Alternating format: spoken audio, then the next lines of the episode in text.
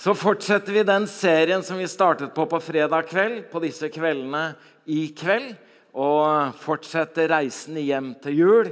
Og nå har vi snakket litt om hvor vi kommer fra, hvor vi er på vei. Så i kveld så må vi snakke litt om hva vi har i vår livsbagasje, og hvem vi reiser sammen med. Det handler om reisen hjem til jul. I formiddag tenkte jeg at jeg skulle si noe om reisa fra frykt til fred. Juleevangeliet er jo ikke sagn eller eventyr. Det er heller ikke en filosofi eller en slags dogmatikk. Det er en fortelling. Og fortellingen begynner med 'Og det skjedde i de dager'. Og den fortellingen i fortellingen som gjennom alle år kanskje har grepet meg aller sterkest, det er denne, og jeg syns vi skal lese den. Og siden vi har sittet nesten hele tiden, så kan vi stå når vi leser sammen. Da skal jeg til og med løfte opp dette bordet. Takk skal du ha. Å, så fint. Oi. Det, det fulgte visst en dame med det bordet.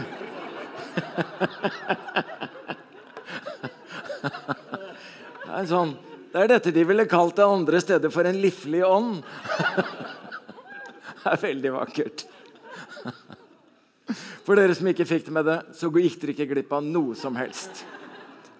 Er dere klare til å lese fra Lukas evangelium? Vi skal gå inn i vers 8 i juleevangeliet. Og nå har vi sett det, nå har vi hørt det, en fantastisk morsom, god, rørende, varm variant. Og så tenkte jeg at jeg skulle fordype meg litt i denne historien og gjøre det med stor glede. Vi leser i Jesu navn. Det var noen gjetere der i nærheten som var ute på marken og holdt nattvakt over flokken sin. Med ett sto en Herrens engel foran dem, og Herrens herlighet lyste om dem. De ble overveldet av redsel, men engelen sa til dem.: Frykt ikke. Se, jeg forkynner dere en stor glede, en glede for hele folket. I dag er det født dere en frelser i Davids by. Han er Messias, Herren. Og dette skal dere ha til tegn. Dere skal finne et barn som er svøpt og ligger i en krybbe. Med ett var engelen omgitt av en himmelsk hærskare som lovpriste Gud og sang. Ja, Det var der jeg fryktet at dere ble litt hengende litt nedpå. Ja, det er liksom ikke nå man liksom dabber ned eller sånn slapper av. Dette her er liksom høydepunktet, da. Ja. Så nå er dere klare. Jeg vet jo at vestlendinger er utrolig spontane når de er godt forberedt. Så nå vet du at dette er selve høydepunktet. Så jeg kan lese den første setningen, og så får jeg høre dere. For vi har ikke sunget sammen disse tradisjonelle lovsangene. Så da kan du legge hele hjertet ditt inn i den siste setningen når jeg har sagt med ett var engelen omgitt av en himmelsk hærskare som lovpriste Gud og sang.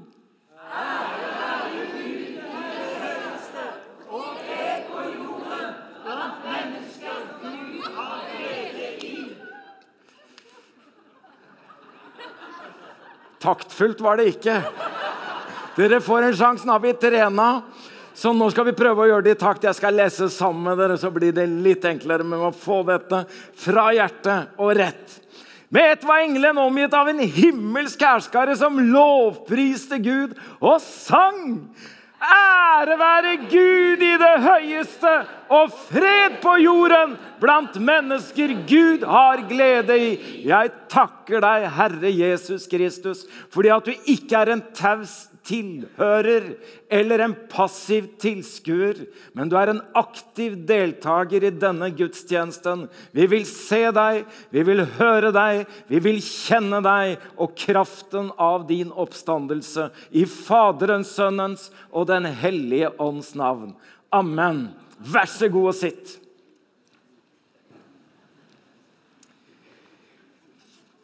Jeg tar noen setninger og noen uttrykk og det som slår oss, det er at etter at det er presentert både en keiser og en lavshøvding med navn, så kommer det noen som er navnløse. Noen som vi ikke kjenner identiteten til. Og det er jo alltid noen sånne. Det er noen som går under samlebetegnelsene rusmisbrukere, tiggere, flyktninger, asylsøkere, tatere. Så kan du nevne gruppe på gruppe hvor man inngår bare i statistikken. Man har mistet sitt navn. Man har ingen identitet, men omtales i gruppeform. Og så var det noen gjetere der. Disse anonyme, disse navnløse. De som ikke vi vet navnet på. Og de var ute på marken. Og hvor den setningen har både berørt meg og fascinert meg. Selvfølgelig var disse utendørs. Det er jo der de var. Men det ligger noe mer i dette enn at de var utendørs. De var ute. De var utenfor. Det var to grupper mennesker som på den tiden ikke kunne brukes som vitner i en rettssak uansett hva de hadde sett. Og det var kvinner, og det var gjetere. De ble ikke regnet som troverdige. Men Gud vet hva han gjør. De som ikke har navn, og de som regnes for ikke å ha troverdighet eller være noen ting, de utvelger Gud seg så til vitner om hans fødsel er det noen gjetere. Og til vitner om den oppstanden Herre Jesus Kristus er det noen kvinner. Han er så stor og mektig at han kan bruke de aller svakeste. Ære være Far i himmelen. De var ute på marken. De var religiøst utenfor, og de var også sosialt utenfor. Og Høsten 1999 bestemte vi oss for i TV Inter på TV 2 at vi skulle prøve å se til spor av Jesus 2000 år etterpå. Hva skjer hvis vi bare reiser til et sted, går inn i et miljø, oppsøker bare en by eller en bygd og leiter etter Jesus 2000 år etter? Vi kalte det Søndagsåpen 2000 år etter Kristus. Og så tenkte vi fram mot årtusenskiftet skal vi se etter disse sporene.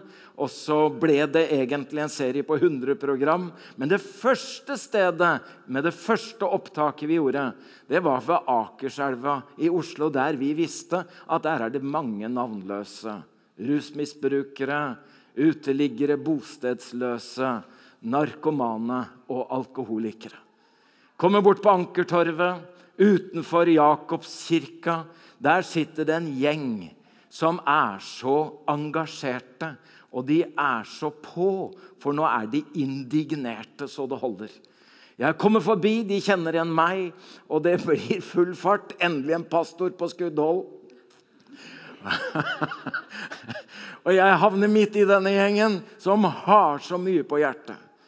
Og så forteller det meg historien sin. Det har seg nemlig slik at Jakobkirka ble avvikslet fordi den skulle legges ned som kirke til gudstjenestebruk. Så den sto både tom og den var avvikslet. Disse var bostedsløse, så de bestemte seg for at de kan like godt flytte inn. Og Disse gutta her, de er jo gode til å åpne stengte dører, så det var ikke noe problem. Så Jeg snakker med de, og så sier de at der har de bodd ganske lenge. Det har bodd noen oppi orgelet. Et par stykker hadde sitt bosted inne, innenfor alterringen. Og de aller fleste syntes det var varmest i sakristiet. Men det hadde vært deres hjem. Men nå var det bestemt at eh, Jakobskirken skulle pusses opp. Så nå skulle det bli kulturkirke, og da kunne disse ikke lenger være i kirka. De måtte ut, og nå var de nettopp kasta ut når jeg kom forbi. og Det er derfor de sitter her ute, slått leir, og de er så i farta. Og En av de som var aller mest i farta, var Tom. Tom fra Stavanger. Og Jeg skulle jo se etter spor av Jesus i Norge 2000 år etterpå. Om dette juleevangeliet, om at det var noen gjetere der i nærheten, noen navnløse, som var ute, om det i hele tatt hadde satt spor. Og hvilke spor det har satt. Vi merker det i familien.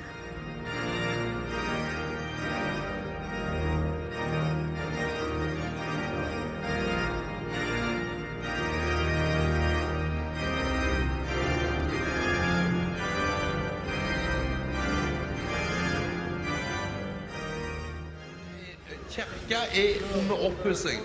Men la meg ta utgangspunkt i at den Jakobskirke hadde vært helt ålreit, da. Og Jesus hadde kommet forbi her. Så så, så, så at det lå 15 uteliggere her. sant? Hva tror du han hadde sagt hvis Jesus hadde kommet forbi her? Så, sant, sant? Og så altså, en låst kirke.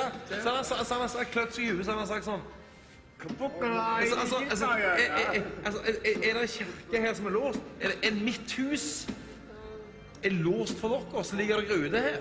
Jeg tror han hadde gått Hvis, hvis han hadde penger, så hadde han antakelig kjøpt seg en kupe. Hvis ikke så hadde han stjålet, så hadde han knekt opp hele kirkedøra. Så sa han 'Kom ned og legg dere, gutter'. Ja, det er jeg sikker på.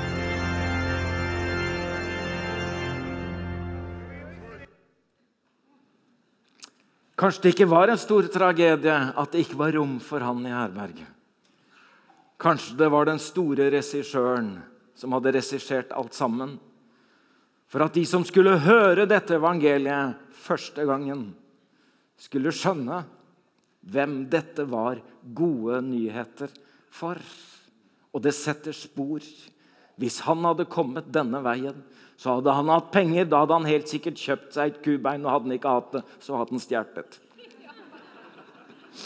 Han er på vårt parti. Det er vår mann. Han stiller opp for oss. Så det var disse som var i nærheten, og det høres så utrolig tilfeldig ut. Som om det tilfeldigvis var disse Gud traff på. Men det kan jo hende at det var hos disse det hele begynte. At han tenkte det er de som skal få denne gleden, og de skal få den først. Hva må til for at disse som er ute, og som er navnløse, og som er utenfor, skal våge å komme innenfor? Hva må Gud gjøre da? For du vet, Er det noen som kan noe om kommunikasjon, så er det jo Gud. Kommunikasjon kommer av det latinske 'communicare', som betyr 'å gjøre felles med'. Det betyr å finne et slags felles ståsted som utgangspunkt for denne broen, for denne kommunikasjonen mellom Gud og menneske. Og da er det disse gjeterne. Og hvordan i all verden skal vi få kontakt med dem? Og hvordan skal du oppnå noe felles? Og så står det de var i nærheten. Og det som går for å være uforstandig i verden, skriver Paulus i 1. Korinterbrev. Det utvalgte Gud seg for å gjøre de vise til skamme. Det som regnes som svakt i verden, utvalgte Gud seg for å gjøre det sterke til skamme. Det som står lavt i verden, det som blir foraktet, det som ingenting er, det utvalgte Gud seg for å gjøre til intet det som er noe. For at ikke noe menneske skal rose seg overfor Gud. Og Dette ble jo ikke et engangstilfelle. Det ble snarere et slags typisk trekk ved Jesus. At overalt hvor han kom, snudde han køen. For det er jo alltid noen som står først i køen. Det er til og med i våre dager mange som kjøper seg og betaler seg forbi køen. Ja da, Og de som slåss mest i drosjekøer, det er de rikeste. For de er jo aldri vant til å komme i noen kø i det hele tatt. Så disse de har vent seg til å stå bakerst i køen. Det er en helt ny opplevelse. At det er de som står nærmest. At de plutselig er kommet først de som var sist. At de som er de minste, får bli de største. Det ble jo typisk for Jesus det, overalt hvor han var. Han så jo alltid etter den som var minst, etter den som sto bakerst, etter den som var lavest. Og så snudde Jesus hele køen. Fantastiske Jesus. Dette er et bilde av en konge som vi aldri kan glemme, vi som har vokst opp med kong Olav eh, folkekongen. Og Det var jo ikke fordi han bare var folkekonge, for da hadde han tatt trikk hver dag. Så hadde han jo ikke vært konge. Eh, så han var jo opphøyd. Så han var kongelig nok. Og det var nettopp fordi han var kongelig nok, at vi skjønte at når en kongelig er menneskelig, da er han folkelig. For da er han nær. Og så har det vært Jom Kippur-krigen 73. Det er bensinkrise, og det er sterke innstramminger. Så nå er det ikke lov å kjøre bil lørdag og søndag. Og man kan jo tenke seg at det må da være enkelt for kongen som skal på en skitur fra Frognerseteren, å få dispensasjon fra dette kjøreforbudet. Slottsfolk, de klarer sånt. Det er jo det som gjør dette bildet så vakkert. At kong Olav gjør som alle de andre tar trikken. Og hvis du ser på henne til venstre, så tenker du Hvem i all verden er det? Ja, for det er jo hun som var nærmest. Og Det er ikke sånn at hun hadde fått en høytidelig invitasjon fra kongen. 'Har du lyst til å sitte ved siden av meg på trikken?' For det tar seg så godt ut på bilder. Nei, nei, hun skulle ta trikken sånn som hun pleide. Og Det som var nytt nå, det var jo ikke at hun plutselig hadde begynt å omgås konge. Nei, det var at kongen hadde begynt å omgås henne. Hun var den nærmeste den dagen. Senere så ble jo pressen veldig nysgjerrig, og så fant de ut at dette var Berit Okkenhall. Og så er det jo mange som kjenner henne nå, men blitt kjent med henne kanskje først og fremst fordi det var hun som var nærmest den dagen. Så når man skulle åpne ny stasjon for T-banen på Holmenkollbanen eh, i 2010, så måtte de finne Berit, sånn at kong Harald nå kunne sitte og ta trikken, og så kunne Berit sitte ved siden av. Det hadde på en måte blitt en slags vane, det der.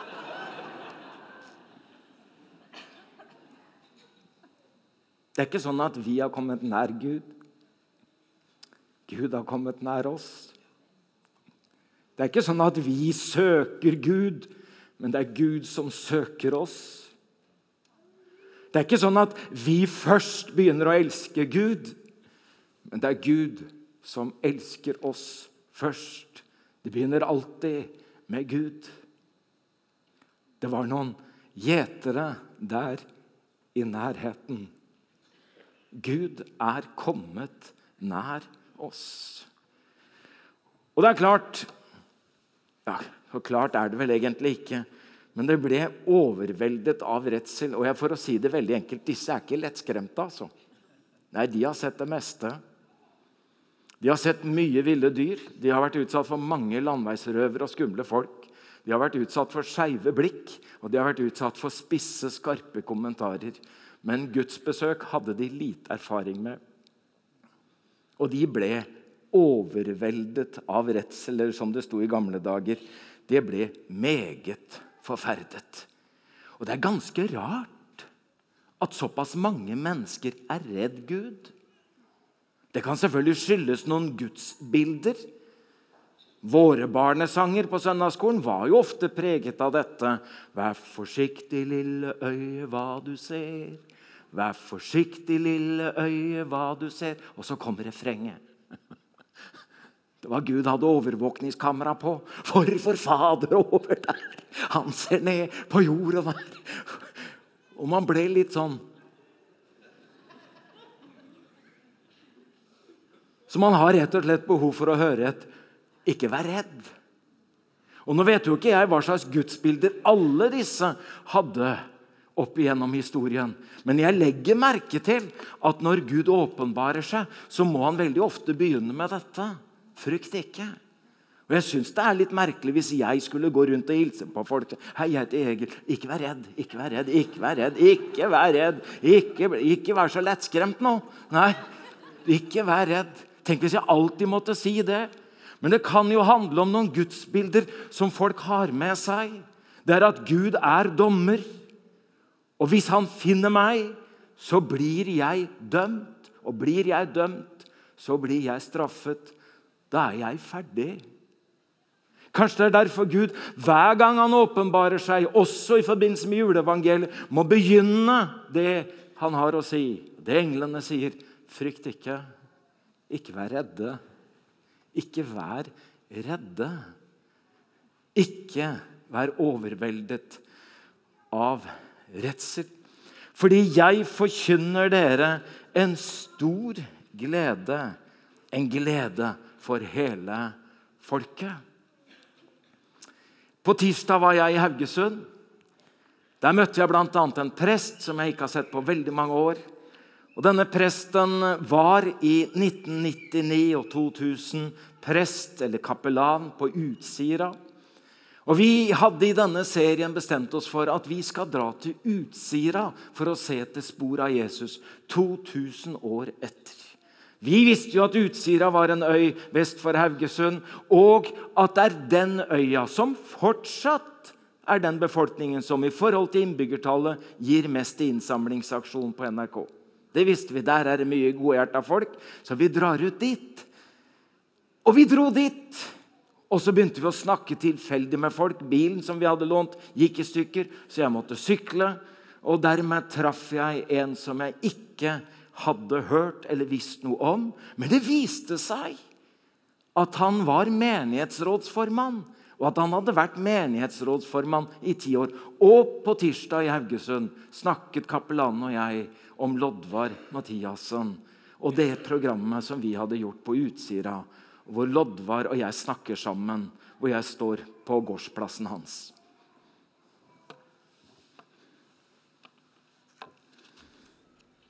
Det er veldig mange jeg snakker med her, som er kristne, men som legger veldig vekt på at de ikke er personlig kristne. Ja. Er du en av de, eller? Ja. Hva? Ja. Jeg gjør nok det. Ti års formann i menighetsrådet, og så mener du sjøl at du ikke er personlig kristen? Nei, jeg mener det. Kan du hjelpe meg med forskjellen? Nei, jeg kan ikke hjelpe deg, jeg. Det før så var det noe som de sa at det, det måtte være godtatt.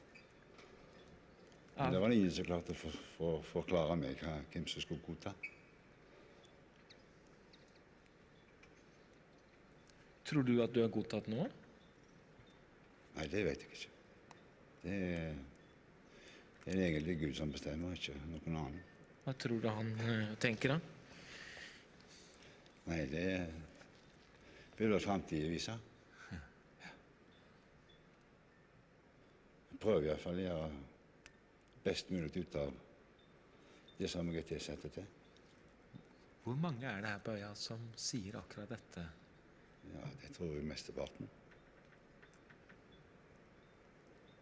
Du tror på Jesus? Ja. Tror at han er Guds sønn? Ja, Tror at han døde for våre ja, synder? stemmer. Sto opp igjen? Ja, Det tror du av hele ditt hjerte? Og vil høre Gud til? ja da. Og så er du ikke sikker på om du er en personlig kristen? Nei.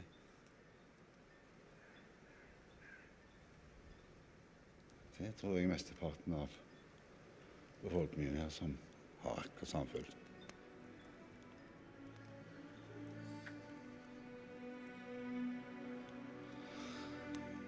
Så det er ikke noe nytt, det tror jeg ikke oss.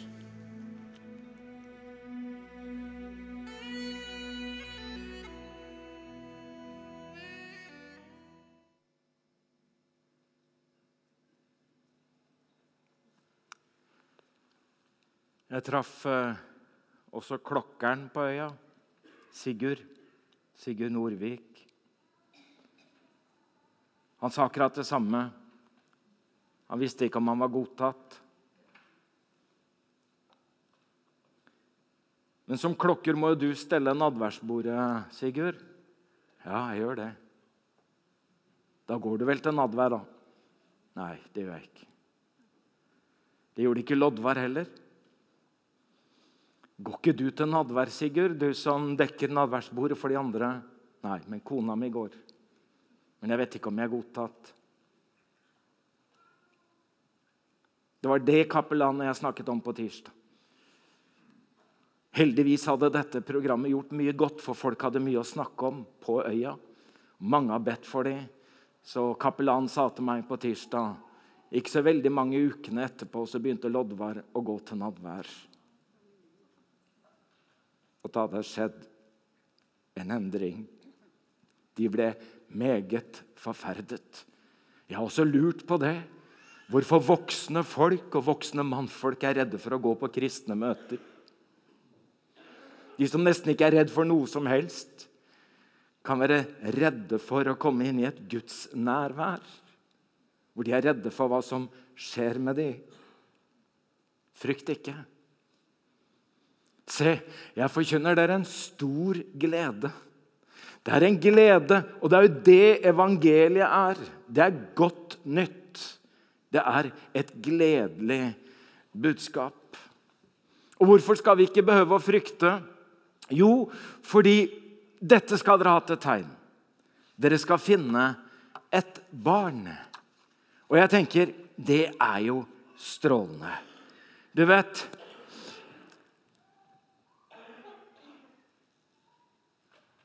Gud er allmektig. Og vi tror på den allmektige Gud. Og den allmektige Gud kan man jo bli redd for. Men når den allmektige Gud velger å bli et barn, altså ikke her oppe, men her nede, da har du vel ingen grunn til å være redd. Og det vi har lagt merke til, det er når noen mennesker viser svakhet. Ikke når de viser styrke. Ikke når de viser hvor flinke de er, og alt de makter og alt de får til, og hvor gode de er, men når det slår sprekker. Når noen går på en smell og får en ripe i lakken, da merker vi det skaper en type nærhet. Så ikke nødvendigvis makt, men avmakt. Ikke storhet, men litenhet. Dere behøver ikke være redde, gutter, for dere skal finne et barn. Og så er det jo noen som har litt dårlig trening med det å gå på gallamiddag på Slottet. Jeg er en av de. Så hvis man skulle være så uheldig å få en invitasjon, så ville jo først og fremst gå på et slags sånn gallakurs, for man vet jo ikke helt hvordan man skal oppføre seg. I møte med kongelige og i møte med folk som kan alt om skikk og bruk. Dere skal finne et barn. Og det skjedde noe på slottet vårt når Mette-Marit kom inn med sin historie, med sin utagerende fortid og med sitt, eh, sitt eh, morsansvar for Marius. Og Første gangen pressen møtte den nye kongefamilien til juleintervju, så hadde det skjedd noe med den flotte dronninga vår. De møtte dronninga på kne. De hadde jo aldri sett det. Og Jeg har jo snakket med noen som er høyt på strå, og spurt hva de gleder seg til i jula. Som har sagt, som Kjell Magne Bondevik sa, da var han statsminister. Så sa han jeg gleder meg til å ligge på gulvet og leke med barnebarna. Ja, En statsminister på gulvet som leker med barnebarna. Så tenker man det er sikkert noe statsministre kan gjøre, men det er barn som gjør det med statsministrene. Og det er barn som gjør voksne til barn. Og det er kanskje det Gud ønsker. At vi som er så voksne, at vi skal bli som barn igjen. Så har jeg lagt merke til at eh, barn nesten ikke har noen intimsone. De er helt oppi der. Og som voksen kjenner jeg er ikke dette veldig nært, da. Og kjenner av og til at det er fint med en halvmeter, iallfall. Litt sånn distanse. Men du vet, du kan ikke gi et barn et håndtrykk og stå på avstand og bukke og neie. Det er som om hele barnet inviterer deg til intimitet og nærhet. Dere behøver ikke være redde, for Gud er et lite barn, og han inviterer til nærhet og intimitet som bare barnet kan. Frykt ikke. Dere skal finne et barn. Og dette barnet er svøpt og ligger i en krybbe. Og Vi har jo sett det så vakkert i julespill her, og vi har sett rumpa på kua, og vi har sett det meste. Og det er noe fantastisk med det. Og i denne sammenhengen så tenker jo jeg at dette er det geniale i kommunikasjonen fra Guds side. Det er altså noen gjetere og du vet, Når du og jeg får en invitasjon Det behøver ikke være et gallamiddag på Slottet. Men et eller annet hvor det er en litt høytidelig invitasjon, så prøver vi å se litt lenger ned på invitasjonen, og så ser vi om det er noe kleskode. Det er jo veldig dumt å komme i galla når alle de andre kommer som Martin Cave.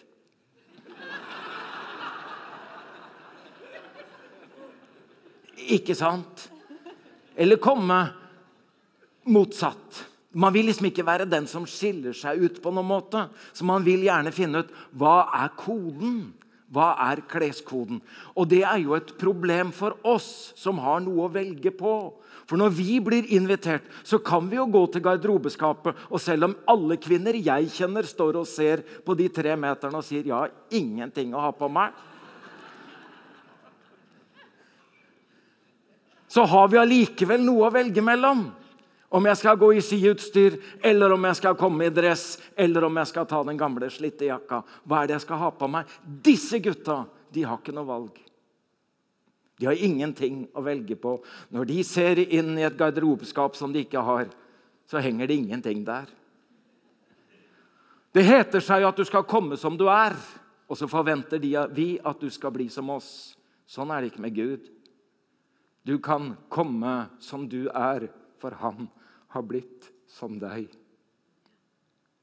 Han som ikke visste av synd, ble gjort til synd for at vi i ham skulle bli rettferdige for Gud.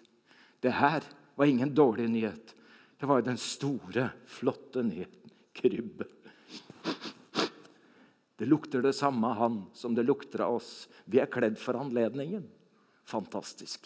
Det er noen julaftensgudstjenester jeg har hatt en del av de, siden jeg har vært pastor i mer enn 40 år. Noen julaftensgudstjenester jeg husker bedre enn andre, og den i Kristiansand, den ene i Kristiansand den kommer jeg aldri til å glemme. Jeg forteller gjerne om den, fordi den gjorde så dypt inntrykk på meg. Det var selvfølgelig fullt hus, det var en festkledd forsamling, og jeg var godt i gang med det jeg mente var en god preken. Mm. Mens jeg står der og er i gang med preka, så går døra opp helt bakerst i dette fullsatt lokalet, og inn kommer en som er rimelig sliten. Han har en sånn slapp, eh, sliten jakkefrakk. Jeg ser han har sikla godt på begge sider. Og siden han ikke finner noe ledig plass bak, så tenker han kanskje at det er framme. Jeg tror det er det han tenker, for han velger å komme opp midtgangen, men det er jo ikke plass noe sted. Og Så kommer han helt fram, og til slutt så står han to meter foran meg mens jeg står og preker. Med to bæreposer står han og ser opp på meg. Og Jeg kjente at jeg på en merkelig måte mistet konsentrasjonen. Og mistet også noe av oppmerksomheten. Jeg tenkte at dette går jo ikke. Det er ikke noe vits å fortsette å preke. Alle ser bare på han. Og jeg tenkte ikke nå. Ikke i dag. Det er julaften. Det er fest. Det er festkledd forsamling. Må du ødelegge dette? Det tenkte jeg. Jeg tenkte jeg måtte prøve å få reddet denne situasjonen, så jeg sier til han som har ansvar for musikken, kanskje vi skal synge en sang. Eh, en julesang er fint nå. Jeg er så glad ved julekveld, f.eks. Og så kan jeg hilse på han her som jeg ikke kjenner. Og Så synger de, og jeg går ned og så hilser jeg på han. Og så var vi heldige, for vi hadde et rom rett på sida av scenen. Så jeg sier 'Har du lyst til å bli med inn dit?' Så blir han med meg inn dit. Og idet vi lukker døra bak oss, så kjenner jeg liksom at hele forsamlingen ah, han reddet oss. Når vi kommer dit, så sier jeg til han, 'Har du lyst på dressen min?' Ja, han ville gjerne ha dressen min. Så der inne så skjedde det rett og slett et dressbytte. Han fikk klærne mine, og jeg fikk frakken hans. Så innen sangen var mer eller mindre sunget ferdig, så kommer vi inn igjen.